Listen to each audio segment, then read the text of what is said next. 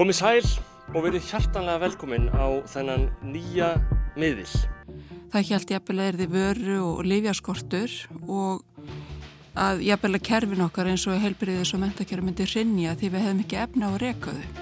Önnur stúlka líkir ungu tónlistakonunum við fuggla sem gera sér reyður smátt og smátt úr litlu í einu og lítu þannig á tónlistina. Það skiptir mestu máli að byrja, hitt mun koma. Getur blogg verið fjölmiðil, sálinn í hrununu og riff ríni. Ég heiti Kristján Guðjónsson. Og ég heiti Lofabjörg Björnstóttir og þetta er lestinn 3. oktober.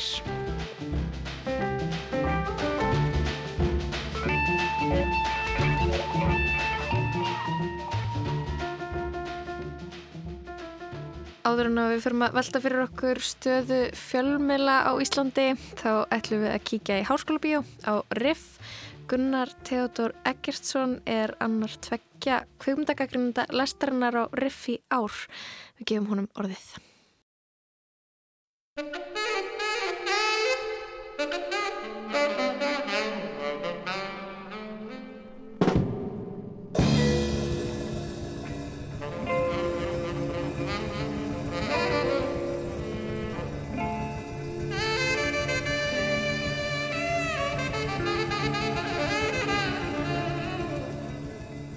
Ég tók síðastliðin sunnudag frá fyrir alþjóðlega kvikmyndaháttið í Reykjavík og hóf leikin á hádegi í hennu notalega Slip bíói, 25 sæta sál hjá Slip barnum niður við Reykjavíkurhöfn. þar sem verið var að sína úrval teiknimynda fyrir 6 ára og eldri. Riff hefur ávalt reynd að koma til móts við börn og fjölskyldur en er nú með veglega dagskrá undir heitinu Ung Riff sem býður upp á síningar fyrir fjögur ára og upp í 14 pluss. Ég vil minnast sérstaklega á þessa dagskrá vegna þess að teiknimyndirnar sem ég sá á samt mínum börnum voru afar ólíkar því sem þau eru vöna að sjá í sjónvarpinu. Allt annar taktur, hraði, stíl og stemning og ég tel að allir krakkar hafi gott að því að sjá svona fjölbreytt og listrænt barnabíu. Seks ára prógramið var þrjú korter og krakkarnir skemmtu sér vel. Við vorum öll sammóla um bestu myndina, portugalska teiknimynd um Ískaupmenn upp í fjalli. Eina vandamálið er það sama og hrjáir alþjóðleg barnaprógram almennt en það er tungumálamúrin, myndin er annarkort án tungumáls á ensku eða með enskum texta en í undantekningatilvikum sem þessum tel ég nú alveg leifilegt fyrir fóreldra að kvísla á meðan á síningu stendur. Áhuga samir aðtugið samt að dagskrá ungrif er ekki að finna í aðalbæklingi heldur þarf að flettin upp á vefsíðu hátíðar. Að barnaprógraminu loknu brunað ég út í háskólabíjum að sjá íslenska heimildamind um tónlistar sömarbúðir fyrir ungar stúlkur í Tókó, Tókó Lísu í leikstjórn Öldu Lóu Leifstóttur. Þar segir frá sveipuðum sömarbúðum og haldnar hafa verið hér á landi undir yfirskriftinni Stelpur Rokka, verkefni sem er til í löndum víðum heim en búðirnar í Tókó munu hafa verið þær fyrstu sinnategundar í Afríku. Myndin fylgir eftir lífinu í rockbúðunum hausti 2019 þar sem stúlkur hittast, læra músík, semja lag og flytja á fimm dögum og þótt rockið sé yfirskriftin þá er það ekki endilega svo tónni sem skiptir máli. Stelpunar hafi ekki síður áhuga á dansi og jazz, gospel og rappi. Heldur er það hugmyndafræði rocksins sem er höfð að leiðiljósi að láta vaða, að hafa gaman af og standa á sama hvað öðrum finnist. Hljóðfæra leikurinn er settur í beint feminist samhengi við þær samfélagslegu aðstæður sem stúlkurnar búa við, stelpur mega syngja en það þykir fásina að þær spili á hljóðfæri. Strákarnir hafa meiri frítíma og frelsi heldunum stelpurnar, þeir mega slæpast eftir skóla og meðan þær þurfa að sinna öðrum störfum. Að kenna stelpum á trommur, bassa og gítar er því rótækt í eðli sínu Það sýnir að stelpur geta, meiga og eiga að rokka rétt eins og strákar og þar með að fá sömu tækifæri og þeir. Einn stúlkan játar að hafa langa til að læra á piano en fengið skýrskilabóðu sinni fjölskyldu að það væri tilgangslust fyrir stelpu. Svo hún kefði þá drauma, þanga til að hún mætir í rockbúðunar og spilar á hljómborð á tónleikum.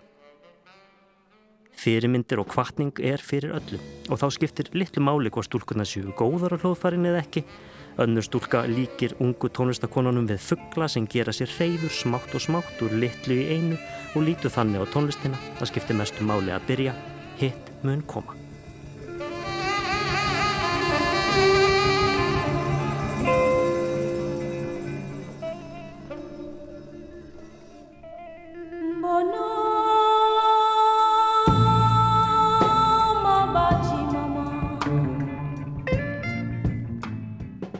Tóko Lísa er sneiðmynd af lífinu í tónlistabúðunum og leifir kennurum og nefendum að segja frá sjálfum sér og sínu starfi en annars er full mikill hraði á frammyndunni, vaðið fljótt úr einu skoti í annað og ég hefði gerna vilja fá að dvelja lengur við ímisatriði, personur og tónlistarflutningin hjá þeim.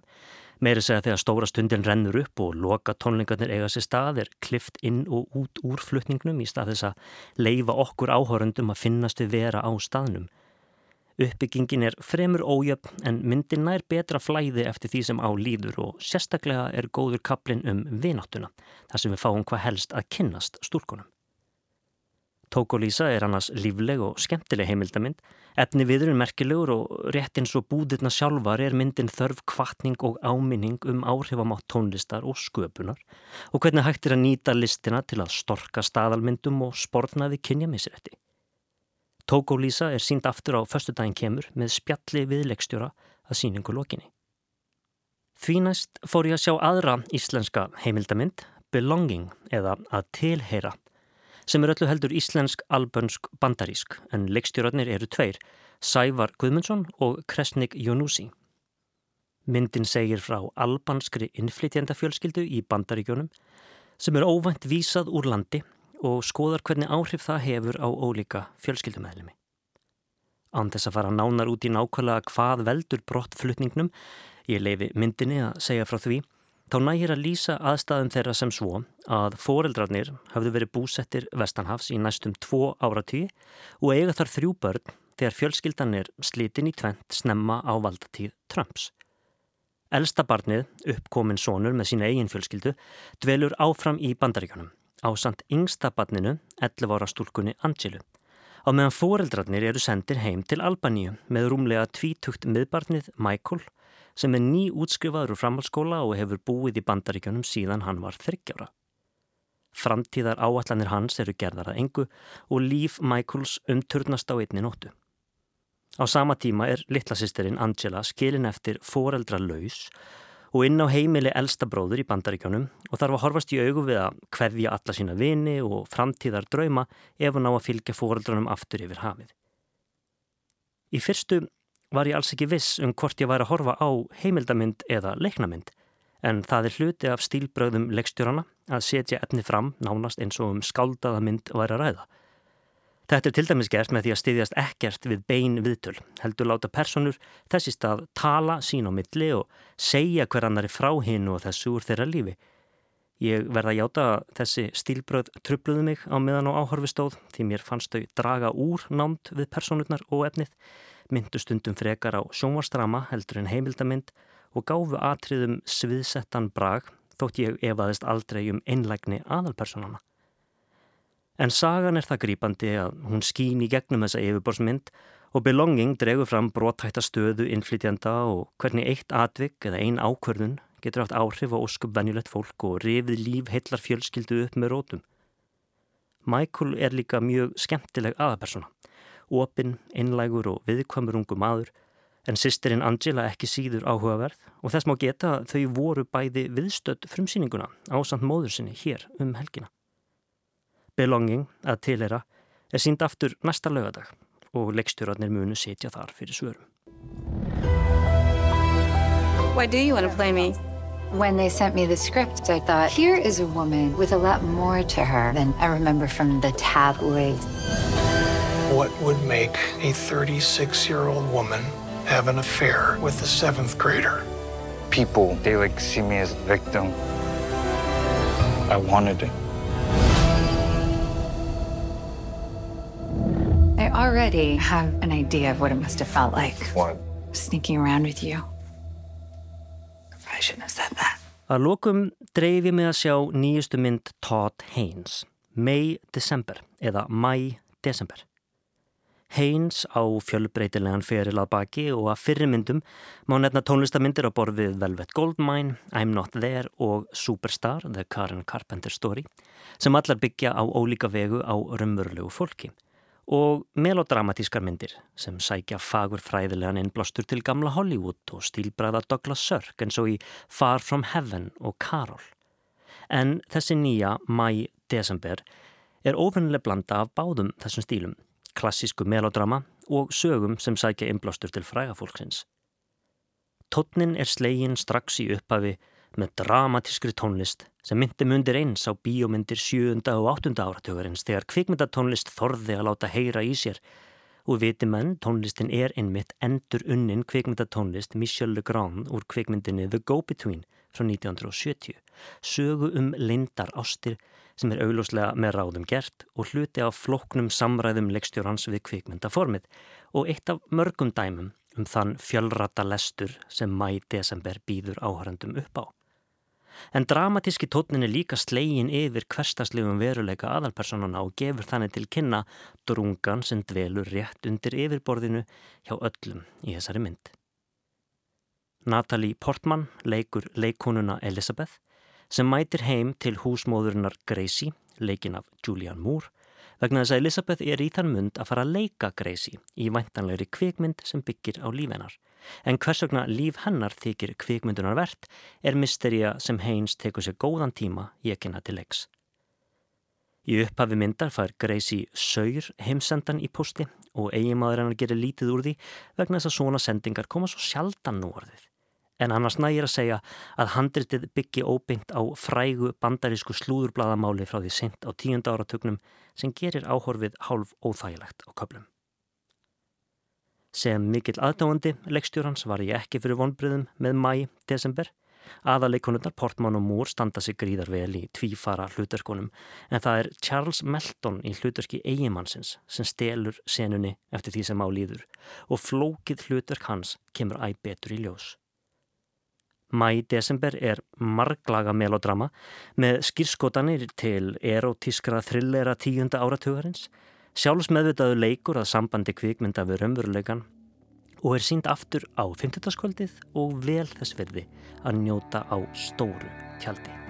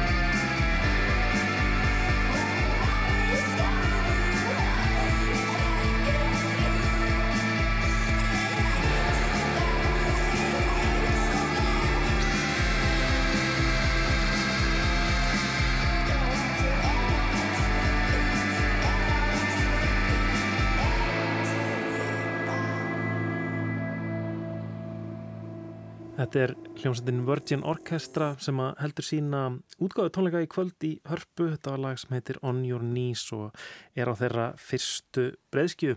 Þar á endan heyrðum við Gunnari Theodor Eggertsinni sem að rýndi í riff. Fyrri pistill hans eh, um háttíðin í ár, hann fjallaði um nokkrar myndir, eh, Tókólísu, nýja íslenska heimildamind. Hann rætti um Belonging sem er eh, einnig íslensk Svo talaðan um nýjustu mynd Todd Haynes, May December og er þetta ekki upptalið hjá mér? Jú, nokkuð meginn. en uh, við ætlum að færa okkur úr kvikmyndanum yfir í fjölmiðla.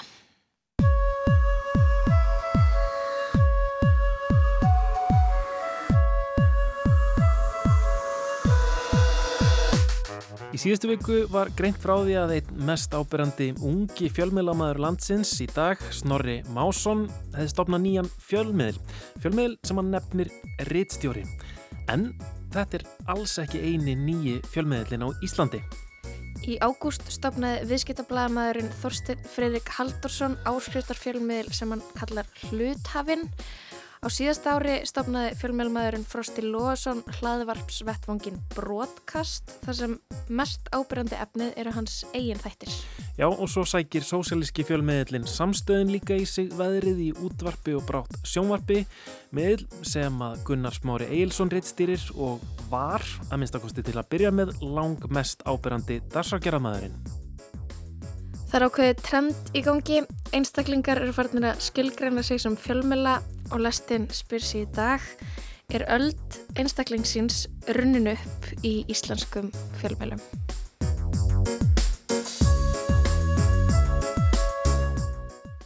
Komið sæl og verið hjartanlega velkomin á þennan nýja miðil, Snorra Másonar, reitstjóra. Þessi þáttur er í áskrift. Það er áriðandi tilkynning, gott fólk. Þetta er game changer. Þetta er algjör game changer því að við hér á broadcast.is Bara því að vantar fjölmina, vantar hérna, minnst umræðan í samfélaginu vera, verða einslittari og, og ég minna að það er ekki bara ég. Því nú ert þú búin að vera að tala um þetta með ADHD og ég, ég reikna með að þú sért myndi vera að sammála mér með líka með kvíða og jafnvel þungið þetta með reyfinguna. En hérna, ef þú sem sagt lýsir þessum skoðunum eins og ég hef gert að þá, þá ertu komin í ónáðana hjá hjá vókliðinu. Ef þú hlust á þáttinn í fullri lengt þá getur þú farið inn á Patreon skáströkk eigin konur og gerst áskrænandi fyrir aðeins 990 krónur á mánu. Við getum ekki haldið upp í góðu samfélagi nema að hafa einhvern vettvang til þess að tala saman um samfélagið. Ég get verið hérna að horfa bara það sem er að gerast hérna frá ofan háls. Já, við þurfum að vera skemmtileg sjálf og það er ógeðslegt sko og þess að það er mjög ógeðslegt að þurfa að vera skemmtilegur.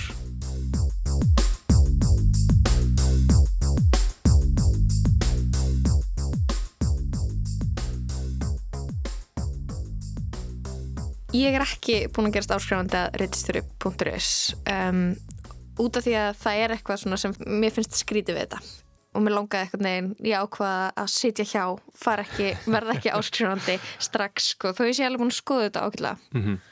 Ég er búin að, skrá mig inn á þetta, ég, ég er svo sem ekki, ekki byrjaður að, borga snorra másinni pening um, en mér finnst mjög gaman að, fá svona fréttabref eins og eru kannski komin aftur svona svolítið í tísku ég er uh, mikil aðdáðandi blogs almennt mm. þannig að svona að, að einhver rittfær ungur maður sé að hérna, tjásu um málumni líðandi stundar uh, og það, fá það beint í tölvupostfangi mitt finnst mér bara frábært, þannig að ég er búin að skrá mig Já, þú ert búin að skrá þig en samt einhvern veginn ekki á þarna fórsöndanum sem Snorri Másson vill á skráir, skráir þig sko, því að hann lítur ekki á þetta sem blogg, hann lítur á þetta sem fjölmiðil og lítur ekki á þetta sem bloggara En, en hver er munurinn þannig?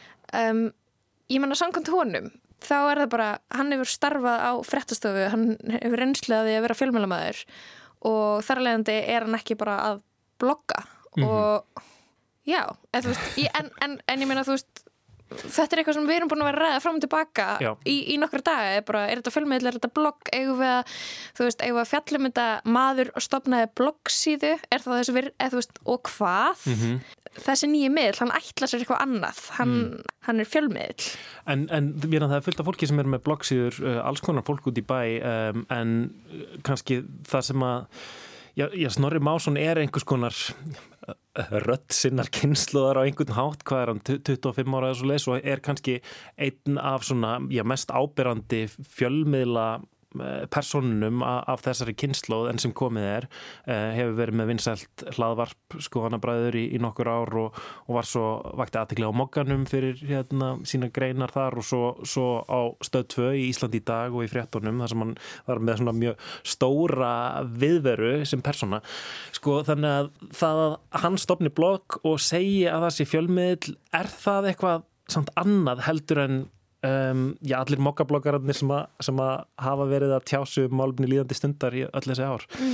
Einmitt, en, en svo er svona punkt, punkturinn hans í þessu er bara svona eru fjölmjölar að þróast út í heimi þetta, þetta er að breytast og, og, og þess vegna er þetta fjölmjöl út af því að út af því að svona innbyrðu við frettir í dag mm -hmm. og ég menna er það, það... Eitt, þú veist, er það það er að vissuliti rétt við þarna Einmitt. Er það ekki? Jú, algjörlega. Ég, hérna, sko, ég, ég myndi kannski fyrst vilja segja bara að, að mér finnst þetta að vera blogg að því að allavega enn sem komið er, þá er ekki svona sko frum vinsla frétta heldur, heldur er hann að, að tjá sig um fréttir annara miðla þannig að sko, þannig að þessi nýji fjölmiðl er háður öðrum fjölmiðlum um efni. En já, þetta er alveg rétt að, að þetta eru þetta það sem er að gerast í fjölmiðlum í dag. Það er einhvern veginn þessi ótrúlega áhersla á personur og personulega fjölmiðlun eða sem sagt að personur verða bara að einhverju fjölmiðla brandi um, þú veist og þetta auðvitað, kemur auðvitað til út af tækninni held ég, þú veist ég meina internetið hefur gert það verkum allir geta einhvern veginn tjáð sig. Það er ótrúlega ódýrst að taka upp hljóð, taka upp mynd og svo núna nýlega þá eru komna mjög svona auðveldar leiðir til þess að já, fá borga fyrir þetta í gegnum svona áskriftamódel með Patreon eða Substack. En já, þú veist, mm. mörgin milli um, hefbundina fjölmiðla og blogga eða, eða eitthvað, veist, það er eiginlega mm -hmm. ekkert mjög augljóst. Emitt, út af því að nefnir þetta með tæknina skiljur þetta er svo, þetta er svo augljós ástæða hvað, hérna, hvað breyttist með tilkomu internetsins og tækni nýjunga er bara eitthvað að við getum öll átt uh, í aðeins smerri mynd bara sama búnað og fjölmjöla fyrirtæki Veist, við getum bara stilt upp stúdíu í mann þegar allir kipti sér hlaðvarpsmikrofóna þegar þeir voru alltaf inn og farðan að kosta undir 20 skall Já. hvað það var mikið bilding, hvað voru margir sem stopnur hlaðvarp þar meðal ég -hmm. skilur um, en ég er samt líka búin að vera svo hugsi yfir því að veist, það sé ekki bara eitthvað neina út af því að þetta er hægt sem við gerum þetta heldur út af því að þarna það er, eitt, það er eitthvað svona önnur hliðaverkun af veginn, tækninni, samfélagsmiðlum, internetinu að við þurfum, við höfum svo miklu þörf fyrir að heyra hvað einhver annar hefur að segja um málið. Mm. við þarna, eins og hefur margóft komið fram þá þú veist bara einhvern veginn höfum við aðganga upplýsingum svo auðveldlega, þú veist við þurfum ekki að kveika á, á útarsvættum klukkan eitthvað til þess að vita hvað er að gerast. Við bara opnum síman okkar og, og kíkjum bara eitthvert og það kannski skiptir ekki endilega máli við, mm -hmm. við fáum bara að vita eitthvað hvað var að gerast, skilur hvar sem er hvort sé á samfélagsmiðlum eða hvort sé á Facebook eða hvort sé á Vísi eða Rúf.is en, en við þurfum eitthvað neina, þú veist þetta er svo mikið magn og, og þarna og við höfum þarf fyrir að einhver tólkiða fyrir okkur og, og segja, okkur, já, já. segja okkur hvað við, okkur er að finnast um þetta allt og þarna út af því að þú veist það eru síðan margar rattir sem er að segja ólíkar hluti og þú veist ekki alveg hverjum þú ætti að trúa þannig að áhverju ekki bara að, að heyra hvað eh, net besti vinuðin hefur að segja um mhm, hlutina mm -hmm, út af því að veist ég er búin að vera að hugsa líka um þessi svona svo kalluðu parasocial sambönd mm. það sem að sem virka þannig að þetta er svona sambandi í eina áttina Einmitt, já, já, já. þú veist eins og bara eitthvað þú hérna, hlustar ókslega mikið á okkur hlaðvarp og þú veist allt um manneskinu sem er að tala en manneskjan sem er að tala í hlaðvarpinu veit ekki eins og þú ert til. Og þarna, þetta verður bara eitthvað besti vinnuðin og hverjum er betra eitthvað neina að treysta og trúa fyrir tólkun og, og að melda upplýsingar heldur en einmitt manneskinu sem þú þekkir svo ótrúlega vel og til að þið eigið í ykkur sambandi no. uh, eða allavega einhlega sambandi. Um, og því að það er eitthvað sem svona, svona ég er búin að líka vera að hugsa til svona þegar við erum að ræða en nýja fjölmeil innan gæslappa sem að við erum að velta fyrir okkur hvort það sé kannski bara blogg sem er eitthvað annað heldur en fjölmeil mm -hmm líka hugsa um sko þegar ég var sjálf með hlaðvarp og ég var ekki með réttstjórn, heldur bara að tala við bestu vinkunum mína um hluti hvað vorum oft beðnar um að fjalla um hluti. Einmitt. mér hefði ekki dottið það í hug að fólk myndi Þrá að heyra, heyra Já. skoðanir einhvers á Já. hlutunum sem þau eru að pæli og þá, þú veist, þá svona eftir á að hyggja, þú veist, þá er það nánast uh, veldi ég fyrir mér sko hvort það sé svona eitthvað neginn um, já, í þessu einhverjum heim, heimi sem við lifum í það sem er offrambóð upplýsingum og efni til þess að neyta að, uh, að það sé orðið kannski okkur, það reynist okkur svolítið svona flókið að melta það líka, að við viljum eitthvað annað melti það fyrir okkur og segja okkur hvað við viljum að finna, okkur að finnast um hlutina. Einmitt. út af því að þarna hvaða skoðanir ámaður að hafa? Já, hvað segir besti vinnu minn um Einmitt. málið? Það er, þannig já, og, og, og, og Snorri er búin að vera með hlaðvarp í ör, örgulega svona tæp fjör ár, skoðanabræðir um, þar sem var diggur hlustendahópur, alveg bara mjög diggur miklu diggari hlustendur þar heldur en þú veist þú veist, það er Mhm. engin sem kveikir held ég á kvöldfréttum rúf skilur og á í sama sambandi við fréttaþulin þar Já. og hlustendur til dæmis þáttu eins og skoðanabræðira Sko ég held einmitt að, að þetta sé svolítið svona líkil punktur í þessari svona persónulegu fjölmiðlun að fólk þarf einhvern veginn einmitt að, að tengja við fjölmiðlamanneskina sko og, og þá skiptir einhvern veginn máli að um, fjölmiðlamanneskjan sé með einhvern svona sko afgerandi karakter og í rauninni afgerandi personu sem að fólki finnst standa fyrir eitthvað þú veist, uh, fólk er tilbúið að borga fyrir hlaðvarpiðinnar Eddu Falag af því að hún stóð fyrir einhvers konar um, eitthvað, ansbyrnu gegn feðraveldinu eða eitthvað svoleiðis. Uh, fólk er tilbúið að borga fyrir hlaðvarpstættinans Frosta Lóðarssonar að hluta til kannski bara að því að hann einhvern veginn treður ofan í góða fólkið. Um, hann stendur fyrir eitthvað og, og sama bara með uh, þú veist, erlenda hlaðvarp bara Joe Rogan eða, eða Russell Brand, ég veit ekki hvort það með tala um Russell Brand lengur. Um, þeir einhvern veginn svona, þeir gefa fólki um, einhverja hugmyndum að já, þau sé að styrkja eitthvað mm, sem að einhvern málstað einhvern málstað í rauninni Mhm. og málstaðurinn getur verið bara kritík eða eitthvað svo leiðis en Mhm. hérna kritík á góða fólki eða kritík á eitthvað en þú veist, þú, þú, þú ert að borga fyrir eitthvað málstað Mhm. í gegnum þessa personu mm -hmm, einmitt já, þannig að ég held að þetta, þetta sé bara góð punktur sko en ég er sko, það er annað sem ég er líka búin að vera að hugsa yfir um, í sambandi við allt þetta fólk og allar þessar típur sem að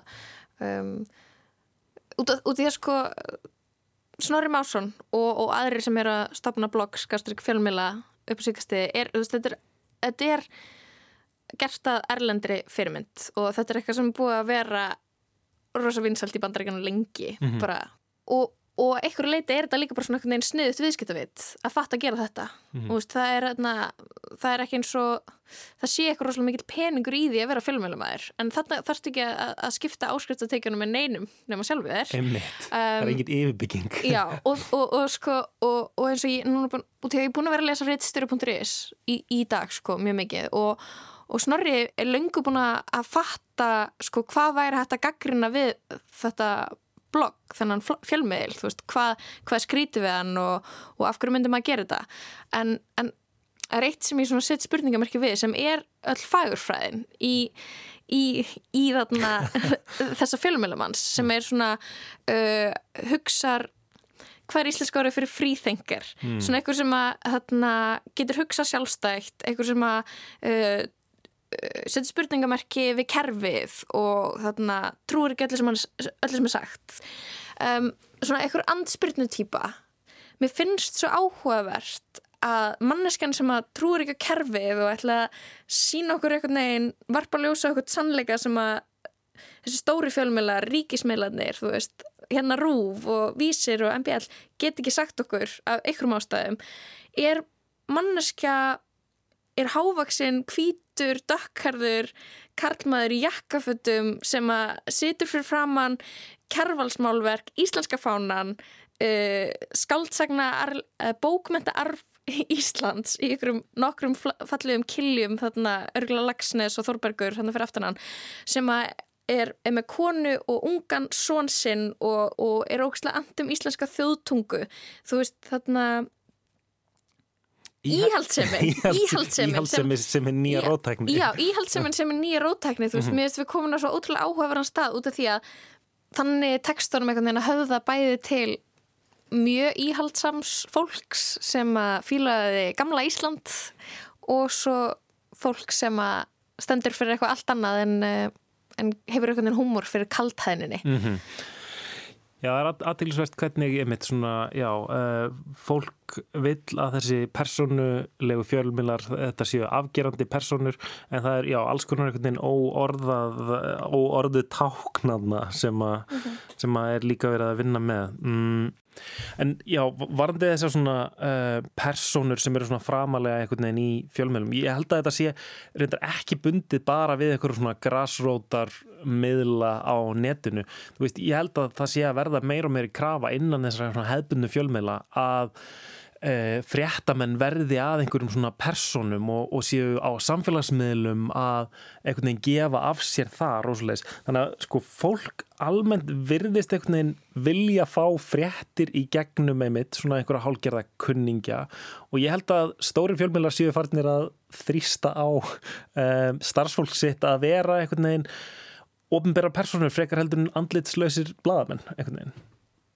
Mm, já, ég held það og ég held líka að það sé bara út af því að uh, stórir fjölmjölar eru að keppast um áhorf við uh, personurnar. Já, innmitt. En sko ég held að það sé svona, ég veit ekki hvort það sé hætta eða hvað, að, að fólk svona hætti að greina á milli um, persóna sem eru með hlaðvörp eða eitthvað svo leiðis og fjölmiðla sem að svona hefbundina fjölmiðla en að gæsalappa sko sem eru með svona ákveðna struktúra, ákveðna ferla sem að svona eiga vera einhvers konar gæðastjórnun.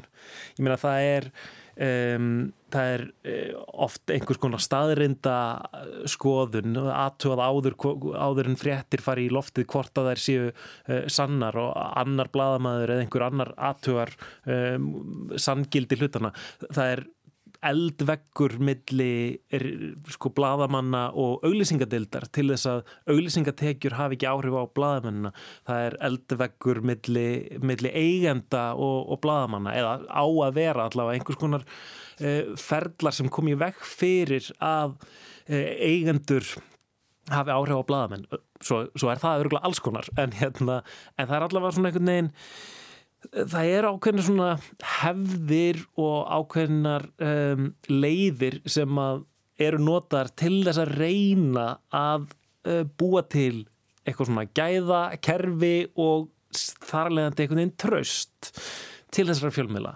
Um, sem er eitthvað annað heldur en persónulegu fjölmiðnir eru að vinna með af því að þá er kannski bara ein manneskja og hún er, hún er að semja við auglísendur hún er að uh, segja fréttinnar hún uh, ákveður með sjálfri sér hvort að eitthvað sé þess virði að segja frá því hún sko það, það er eng, engir svona varnaglar sem að eru í þessari svona einstaklingsfjölmiðlun Mm -hmm.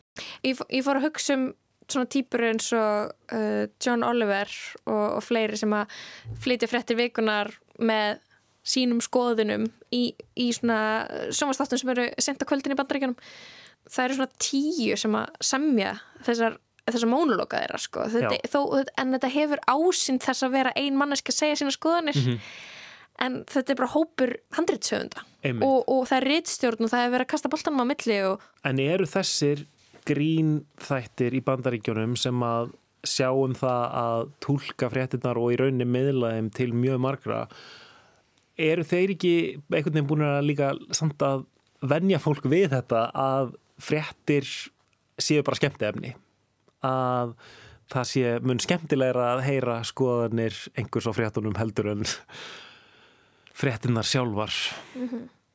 Það sem háur náttúrulega fréttunum mest er bara hvað eru leðileg það þarf alltaf að vera skemmtilegt það þarf alltaf að vera skemmtilegt í dag ok, en, en hver er niðurstaðan? er öll einstaklingsins runninu upp í íslenskum fjölmjölum? Ég er ekkit endilega vissum að hún sé að fara að taka yfir en við erum auðvitað búin að sjá þetta undanfærin ár uh, mikið af áhrifamestu hlaðarstáttum fjölmiðla fólki í landsins er fólk sem er ekki að vinna innan hefbundna fjölmiðla og svo er fólk líka bara að stopna sína eigin fjölmiðla uh, litla, ég meina Björningi á Viljanum eða, eða Reynir Traustason og mannlífi INN, skulum ekki gleyma því. Nákvæmlega, þetta er oft svona mjög litlir, litlir miðlar sem eru nánast einstaklingar. En já, jú, ég held að um, personur einstaklingsfjölmiðlar séu að verða meira og meira áberandi en hvort að það drepi gömlu hefðbunnu fjölmiðluna ég held ekki alveg strax, ég veit það ekki. Takk fyrir ljós. Kemur ljós. Við ætlum að hætta að pæla í fjölmiðlum í byli og uh, minnast enn og aftur hrunsins hér í lastinni. Við erum komin á sjönd og þátt af átta og er þátt að seríunni nokkri dagar í frálsufalli frá árinu 2018 Yfirskrift þessa þáttar er oflæti og íslenskar aðferðir.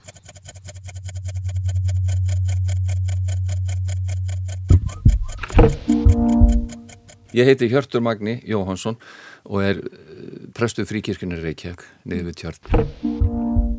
Ég heiti Sæjun Kjartansdóttir og ég er sálgrunir og búin að vera starfa við það í aldarfjörðung. Snemma í hruninu þá heiti ég fólk sem saði bara ég elska þetta hrun, þetta er það besta sem hefur komið fyrir mig eða hefur komið fyrir okkur og þetta var auðvitað fólk sem hafði ekki liðið vel í næslu kaplaupinu sem hafði önnur gildi, kannski minni fjárráð og uppliðið sig fyrir vikið á jæðrinum í, í allri þenslunni. Og þetta fólk, fólk auðvitað vonaðist til þess að nú er því almenni uppstokkun að við myndum, að hrunið er, er því til þess að við myndum endur skoða svona gildismatið okkar og af einhverju metnaði og alvöru. Og þá eru við að tala um eitthvað þetta annað og meira heldur en að taka slátur og, og prjóna peysur.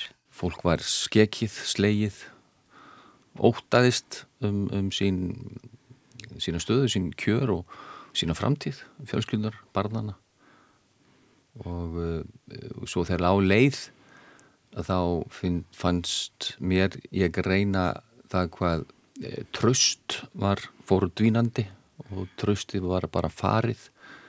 E, fólk treyst ekki lengur stofnunum það upplifa bara sveik og, og, og, og allskyns e, leiðindi frá þeim fólk treyst ekki lengur yfirvöldunum lítið á þetta bara sem einhvern skrýpaleik með bankana og allt þetta floknaferli sem var hann í gangi og svo var bara meira minna tröst, vantröst um, til samfélagsins og, sem leiti til bara held í sálarkreppu og æði margra.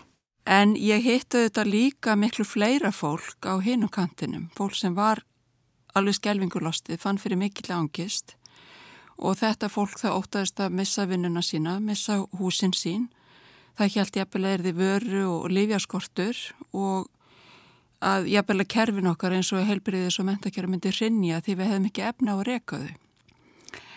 Þetta er auðvitað ekki allt vitran viðbrögð að þó auðvitað það misti margir húsin sín og, og vinnuna sína þannig að það, það var nú ekkit úr lausilóftu gripið hjá mörgum en það er mikilvægt að hafa í huga að þegar fólk er rætt og það skinnjar að allir í kringum þau eru hrættir líka ekki síst ráðamenn þeir eru hrættir og ráðviltir og, og, og veit ekki hvað fótunni þeir eru að stiga að þá dregur auðvitað úr hæfni fólks til að hugsa raukrétt og af yfirvegun og þegar þetta ástand á við um heilt samfélag þá er náttúrulega ekki við góða búast.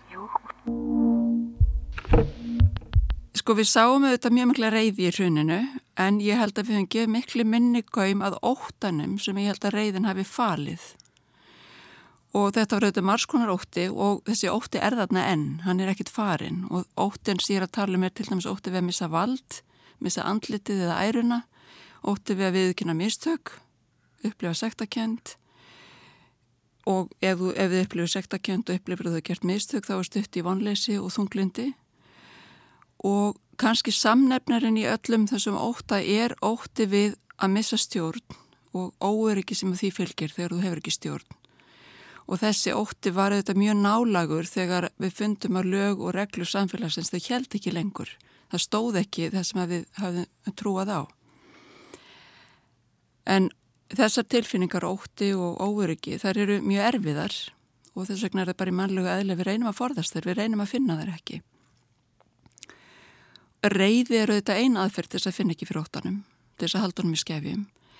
En það er líka annur ram íslensk leið sem að við sáum mjög stert í raunan við vanlíðan og hún er svo að vera duglegur. Það var bara alveg brjálað að gera. Vera duglegur, alls ekki að hugsa á mikið og hvað þá velta sér upp úr tilfinningunum eins og það kallað. Heldur að forðast þær og vera rasjónal og duglegur. En ég held að þessi bjargráð sem við erum náttúrulega búin að sjá núni í tíu ár og þetta miklu miklu lengur en þau eru bara svo ábyrjandi núna, þau eru að koma okkur okkur í koll og það eru mjög margir hrættir og mér finnst núna þegar maður svona skinnjar að það er eins og að sé ný uppseifla í, í gangi að fólki farið að líta á þetta svolítið bara eins og uppseiflur og hrun séu bara nýju íslensku náttúruhamfæriðnar. Þetta séu bara eins og eldgós eða jærskjáltar, við getum ekkit við þessu gert, við verðum bara býða og vona og halda nýri okkur andanum og vonandi gangi sem fyrst yfir og svo bara tökum við til á eftir. Það gerðist, þetta mönnurlega gerast aftur og við getum ekkert gert í því ekki frekan við getum stjórnað hérna eldgóðsónum eða jarskjáltónum eða snjó, jú við getum aðeins stjórnað snjó, snjóflóðunum kannski. En, en þetta er ekki á þeim skala, ég held að sé rosalega mikil uppgjöf akkord þessu. Það var uh, fólk sem að mista atvinnu og það að vera, jú komast að fara á atvinnubætur en það hefur svo því miður uh, oft lamandi á, áhrif á sjálfsmyndina sjálfsvirðinguna, sjálfsmyndina. Og það hefur áhrif á heilu fjölskyldunar, það hefur á viðkomandi og maka og börnin í skólunum. Uh, þau finna fyrir því sjálf, það er breytt lífsmynstur hjá þeim, önnur lífsgæði. Og uh, krakka getur verið oft grimmir í, í sínu samfélagi það er samanburðu þar líka. Mér fannst ekki reyna mun meiri tilvíkbarum uppgjöf, þunglindi e, að brenna út e, á, á mörgum sviðum. Og, og allskeins áföll því að svona andlegu áfalli fylgir þá líka enginni líka. Og ég veit mörg dæmi þess að fólk misti heilsuna einfallega í kjölfar hrunsins sem er dabulegt og það eru margir virkilega að, að takast á við afleðingar hrunsins en þá núna tíu árum síðar. Og ég, ég hérna vísa bara til þess að undarfartan daga hef ég verið að vitja einstaklings sem er að deyja, sem er deyjandi og er að undurbúa sitt dauða, sitt dauðaferli og, og, og hverju stund og alltaf heila og gerir það miklu æðri leysi og yfirvegun og þroska. E, þessi aðili misti allt sitt í rauninu alla sínar efnislugu eigur.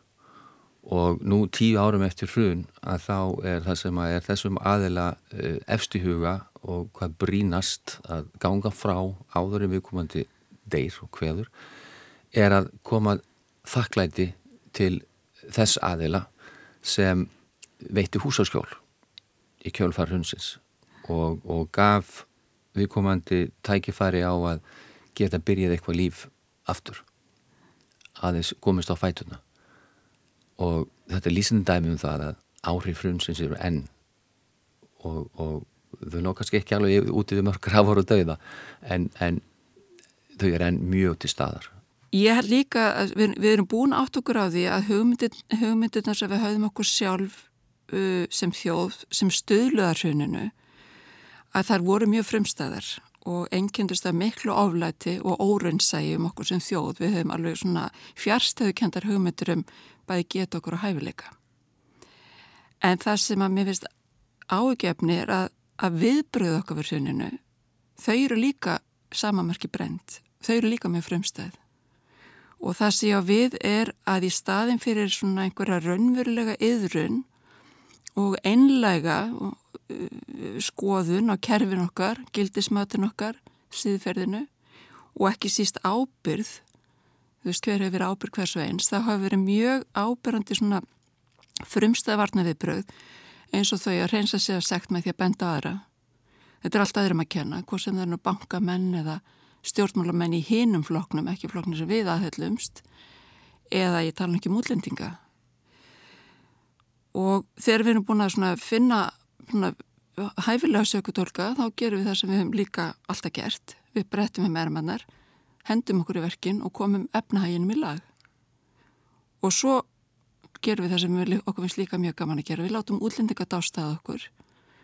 í, fyrir í uppseflinu þá var það hvað við vorum rosalega fjármálasnýrlingar en núna er það hvað við vorum duglega að vinna okkur út úr erfileikonum. Til dæmis komið eftir hruna þá var e, einn af okkar litríkustu bankamönnum og útrásavíkingur held ég með kallan líka hafa manaðu til að láta okkur hafa eina miljón króna í líknarsjóð okkar fríkirkjunar sem annars er bara sett í af frjálsum framlögum og uh, fyrir svona bankastjóra og útrása vikinga þá er ein miljón bara sem einhvern svona rasvasa skiptimynd sem að þeir getur bara gátt svona fleikt frá sér e, þessi miljón fór í 200 ólegar áttir í formi 5.000 króna matar útækta miða á láguru vestlunum hér í, í borginni. Það sem að, að þeir sem voru mest þurfandi gáttu keift sér einfallega mat fyrir næsta dag og, og hérna einhvern fatnað, skjólfatnað. Og, og hérna þetta fannst mér mínum huga lýsa svo litið þeim ójöfnuði sem var þátt í staðar og sem skapaðist í, í, í kjölfar hrunsins og er að finna nokkuð augljóslega í okkar samfélagi þann daginn í dag. Ég finna auðvitað að þensla núna er að valda fólki kvíða og áhyggjum og það eru margir sem tala eins og fyrir síðasta hraun þegar segja ég hef aldrei tekið þátt í þessu góðæri en fólk er hrætt um að fá skellin sem það fekk fyrir tíu árum. Og nú eru sömur að láta okkur trúa því að, að við séum á mjög góðum stað en það tekur tíma að byggja upp tröst og tröstið er alls ekki komið á réttan stað. Það er mikið vantröst í samfélaginu og það eru allskins brestir að mér virðist og, og vantrú hjá þeim sem minnst hafa á það að þeirra hagur muni nokkuð tíma mænka.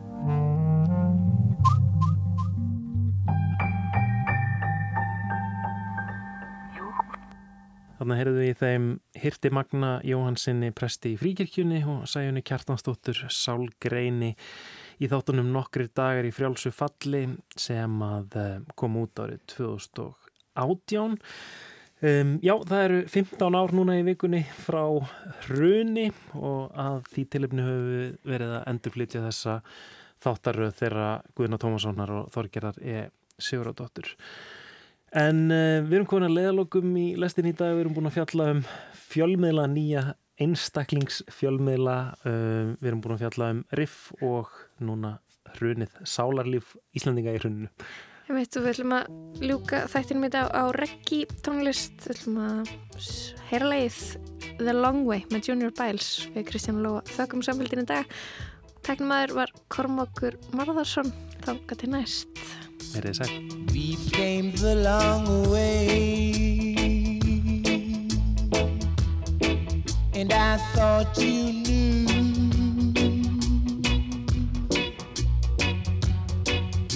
It was the long way.